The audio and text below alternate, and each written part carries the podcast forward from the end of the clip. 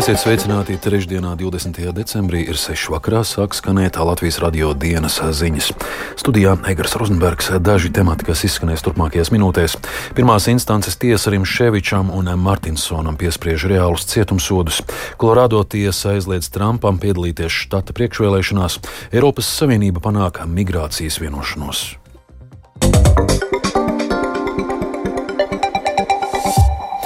Rīgas rajona tiesa Jūrmalā bijušo Latvijas bankas prezidentu Ilmāru Rimševiču un būvu uzņēmēju Māri Martinsonu atzinusi par vainīgiem kukuļošanas noziegumos un piespriedusi abiem reālus cietumsodus.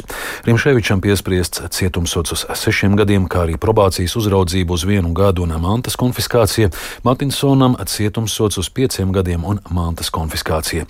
Vairāk Jāņa Kīņša ierakstā. Pirms pieciem gadiem sāktā krimināla lieta par iespējamiem kukuļiem izauga no sarunām atpūtas kompleksā Taureņi pierīgā.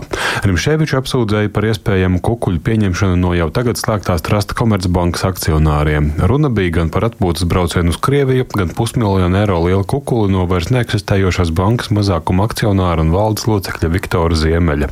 Sarunās viņš atklāja, ka pēc maksājumiem toreizējam Latvijas bankas prezidentam sagaida sankciju noņemšanu, kā varēja nojaust viņa pārstāvētajai bankai. Martinsons sarunās piedalījies kā starpnieks. Abi banķieri tiesā liecināja pret Rimšēviču, bet pērn Ziemelis sāka noliegt kukuļa došanu un apgalvoja, ka liecības par to izmeklētāji no viņa esot izspieduši. Pēc prokuratūras iniciatīvas tiesa šodien ierosinājusi blakus lietu pret bijušo Trasta Komercbankas valdes locekli par apzināti nepatiesu ziņu sniegšanu tiesai. Šīs dienas sēdē iejaucās arī tehniski sarežģījumi, un pēc to novēršanas Rimšēvičs pacietīgi sagaidīja tiesas nolēmumu, bet Martinsons sēdi noklausījās attālināti. Tiesa lēmusi izpildīt visas prokuratūras prasības par reālu cietumsodu un mantas konfiskāciju Rimšēvičam un Martinsonam, kā arī viņu pārstāvētajiem uzņēmumam MM investīcijas. Lūk, kā par tiesas lemto pēc sēdes medijiem pauda tiesnese Gunda Glapiņa un prokurore Viorika Jirgana. Tiesa atzina šo personu vainu izdarītajos noziedzīgajos nodarījumos.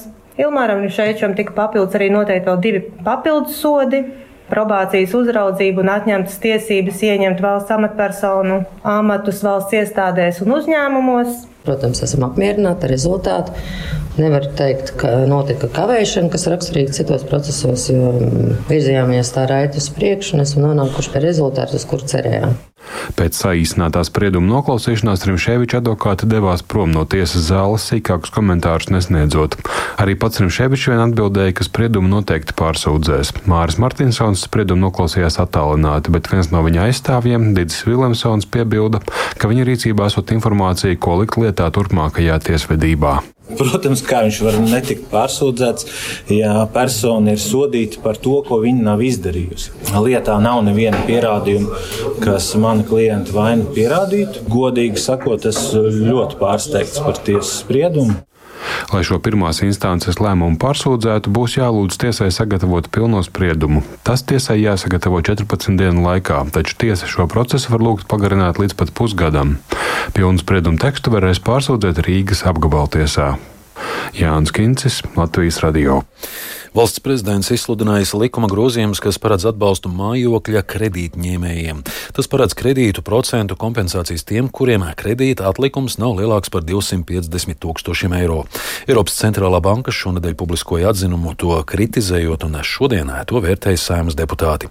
Latvijas bankas finanšu stabilitātes un makro uzraudzības politikas pārvaldes vadītājs Elmārs Zakulis pauda, ka atzinumā nav nekā pārsteidzoša ka Eiropas centrālā banka ir konsekventa attiecībā uz līdzīgām iniciatīvām citās valstīs. Viņa patiesībā nemaz nevar tā ļoti novirzīties no tām savām iepriekšējām pozīcijām, un tā nostāja lielā mērā ir saistīta ar to, ka lielākoties konceptuāli ECB neatbalsta šādas iniciatīvas, tāpēc ka tās rada riskus tās funkciju īstenošanai, monetārās politikas īstenošanai, finanšu stabilitātes saglabāšanai. Bet, protams, šie viedokļi atšķirās atkarībā no katras uh, valsts um, specifikas. Latvija parakstījusi līgumu ar ASV par Haimars raķešu artērijas sistēmu un munīcijas iegādi. Līguma kopējā summa - 164,2 miljonu eiro. Tā paziņojas aizsardzības ministrs Andris Sprūts no progresīviem. NBS bruņojumā būšot arī tālas darbības un augstas precizitātes attākams raķetes. Latvija raķešu sistēmas Haimars varētu saņemt no 2027. gada.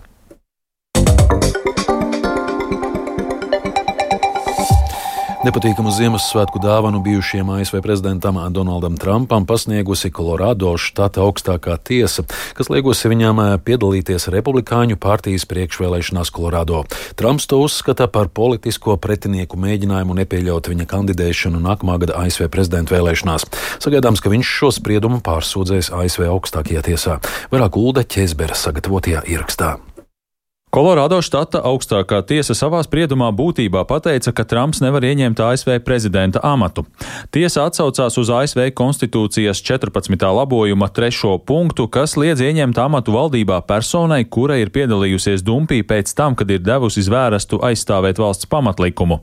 Kolorādo augstākā tiesa uzskata, ka Trumps pārkāpa šo konstitūcijas punktu, kad 2021. gada 6. janvārī viņa atbalstītāji paša Trumpa mudināti iebruka ASV kongresa kongresa ēkā Vašingtonā. Tāpēc tiesa diskvalificēja Trumpu no dalības Republikāņu partijas priekšvēlēšanās, kas Kolorādo notiks 5. martā. Šajā balsojumā štatā reģistrētie Republikāņu partijas atbalstītāji izraudzīsies, kuru kandidātu viņi vēlas nominēt ASV prezidenta vēlēšanās. Iepriekš zemākas instances tiesa, kas izskatīja vēlētāju grupas iesniegumu par Trumpa atbilstību dalībai priekšvēlēšanās, arī atzina, ka Trumps ir piedalījies dumpī, taču šīs tiesas spriedumā tika uzsvērts, ka ASV konstitūcijas 14. labojuma trešais punkts neatiecas uz prezidentu, tāpēc tās ieskatā Trumpu varēja pielaist priekšvēlēšanām. Kolorādo augstākās tiesas sprieduma izpilde ir atlikta līdz 4. janvārim, lai to varētu pārsūdzēt ASV augstākajā tiesā. Trumps jau ir paziņojis, ka drīzumā iesniegs apelācijas prasību augstākajā tiesā. Viņš sev nelabvēlīgajā tiesas spriedumā vainoja pašreizējo ASV prezidentu demokrātu Džo Baidenu. Arī Trumpa atbalstītāji ir saniknoti par spriedumu un uzskata, ka tas ir netaisnīgs. Ja ASV augstākā tiesa atstās spēkā Kolorado augstākās tiesas spriedumu, tad var sagaidīt, ka arī citu štatu tiesās nonāks iesniegumi izvērtēt Trumpa atbilstību kandidēšanai priekšvēlēšanās, un tas var nopietni ietekmēt Trumpa izredzes iegūt republikāņu nomināciju 2024. gada prezidenta vēlēšanās. Uldis Česberis, Latvijas radio. Pēc desmit gadu strīdiem Eiropas Savienības sarunu vedēji beidzot panākuši politisku vienošanos par migrācijas sistēmas reformu. Tā paredz stiprināt robežu kontroli, kontroli un pātrināt to migrantu izraidīšanu, kuriem nav tiesību palikt Eiropā. Tāpat ievieš solidaritātes mehānismu, lai palīdzētu valstīm, kas sastopas ar lielāko migrantu pieplūdumu. Tomēr dažādas nevalstiskās organizācijas asi kritizē jaunu vienošanos, sakot, ka tā pārkāpja starptautiskās normas. Plašāk stāsta mūsu Briseles korespondents Arķums Konohaus. Jauno migrācijas reformu vairums Eiropas politiķu dēvē par milzīgu sasniegumu. Tā ir apjomīga likuma pakotne, kas kopumā paredz stingrāku pieeju pret migrantiem, kas ierodas pie Eiropas robežām. Tostarp tiek paredzēts, ka uz robežām tiks izveidoti migrācijas centri, kuros piespiedu kārtā tiks ievietoti visi iebraucēji, kam ir zemes izredzes likumīgi palikt Eiropā. Eiropas komisijas priekšsēdētājas vietnieks Margaritis Hins uzskata, ka tas pātrinās patvērumu lūgumu izskatīšanu un migrantu izraidīšanu, ja viņi nekvalificējas patvērumu saņemšanai.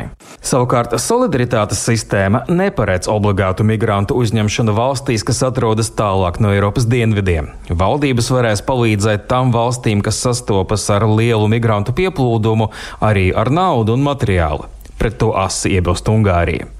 Eiropas parlamenta priekšsēdētāja Roberta Metsola sacīja, ka viņai, kā politiķie no Maltas, šī vienošanās ir īpaši nozīmīga. Gan Metsola, gan Schins nāk no Eiropas Tautas partijas, kas dotu priekšroku stingrākai migrācijas kontrolei. Turpretī kreisie un zaļie Eiropas parlamentā asi kritizē šo vienošanos. Viņi norāda, ka jaunā pieeja pret iebraucējiem būs arvien necilvēcīgāka un ka šādi tiek pārkāptas tiesības uz individuālu katra gadījuma izskatīšanu. Šie politiķi uzskata, ka jaunie noteikumi neatturēs kontrabandistus no cilvēku sūtīšanas bīstamā ceļā pāri vidusjūrai. Pretējās domās ir pašreiz prezidējošās valsts Spānijas premjers Pedro Sančes, kurš ir sociālists. Hemos comprendido algo muy importante y es que en este tiempo Šīs dienas vienošanās ir fundamentāli svarīga Spānijai mūsu geogrāfiskā novietojuma dēļ. Šis pakts ļaus mums pārvaldīt mūsu robežas un tikt galā ar migrācijas plūsmām humānāk un koordinētāk. los flujos migratorios. Jaunos noteikumus vēl ir oficiāli jāapstiprina Eiropas parlamentā un dalību valstīm. Arcīms Konahaus Latvijas Rādio Briselē. Katarā dzīvojošais palestīniešu radikālā grupējuma Hamas līderis Ismails Hanija šodien ieradies Kairā uz sarunām par uguns pārtraukšanu grupējuma karā ar Izrēlu un ķilnieku atbrīvošanu. Pirms izlidošanas uz Kairu Hanija Dohā ticies ar Irānas ārlietu ministru. Tiesa ziņas par šīs tikšanās gaitu ir stipri pieticīgas. Pagājušajā mēnesī nedēļa ilgās uguns pārtraukšanas laikā, ko izdevās panākt ar Kataras, ASV un Eģiptes atbalstu, atbrīvoti 80 izrēliešu gūstekņu un 240 Izraēlas cietumos cietumos ieslodzītie palestīnieši. Ukrainas prezidents Valdemirs Zelenskis paudis skepsi, ka Ukraina varētu uzņemt NATO tikai ar to teritoriju, kādu šobrīd valsts kontrolē.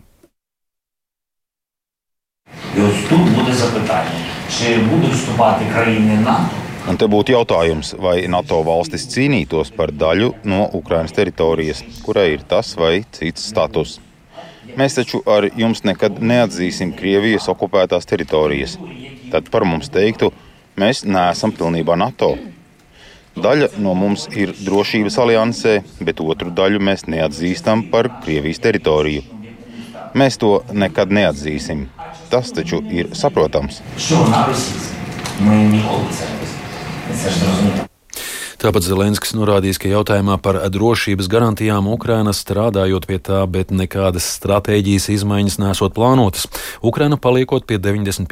gada robežām un cīnīšoties par visas savas teritorijas atbrīvošanu.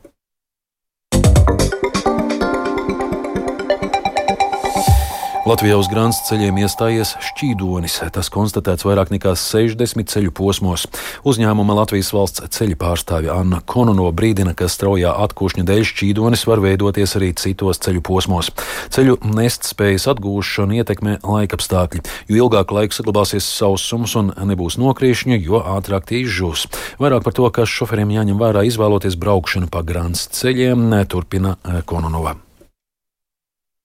Šajos šķīdoņa posmos tiek ieviesti arī mācas ierobežojumi transportam, tur tiek lieka kustība transportam, kas smagāks par desmit tonnām, un uh, tur nav arī nekādu speciālu atļauju. Tātad, uh, uzbraucot ar šo te smago tehniku uz nespēju zaudējošu ceļu, to var uh, pilnībā sabojāt. Līdz ar to, protams, aicinām autovadītājus ievērot un, un nelietot šos ceļus, kas pat labam ir zaudējuši nespēju autovadītājiem, kuriem drīkst pārvietoties un kas lietos šos ceļus, ir jārēķinās ar to, ka ceļi būs grūti izbraucami un nekomfortabli.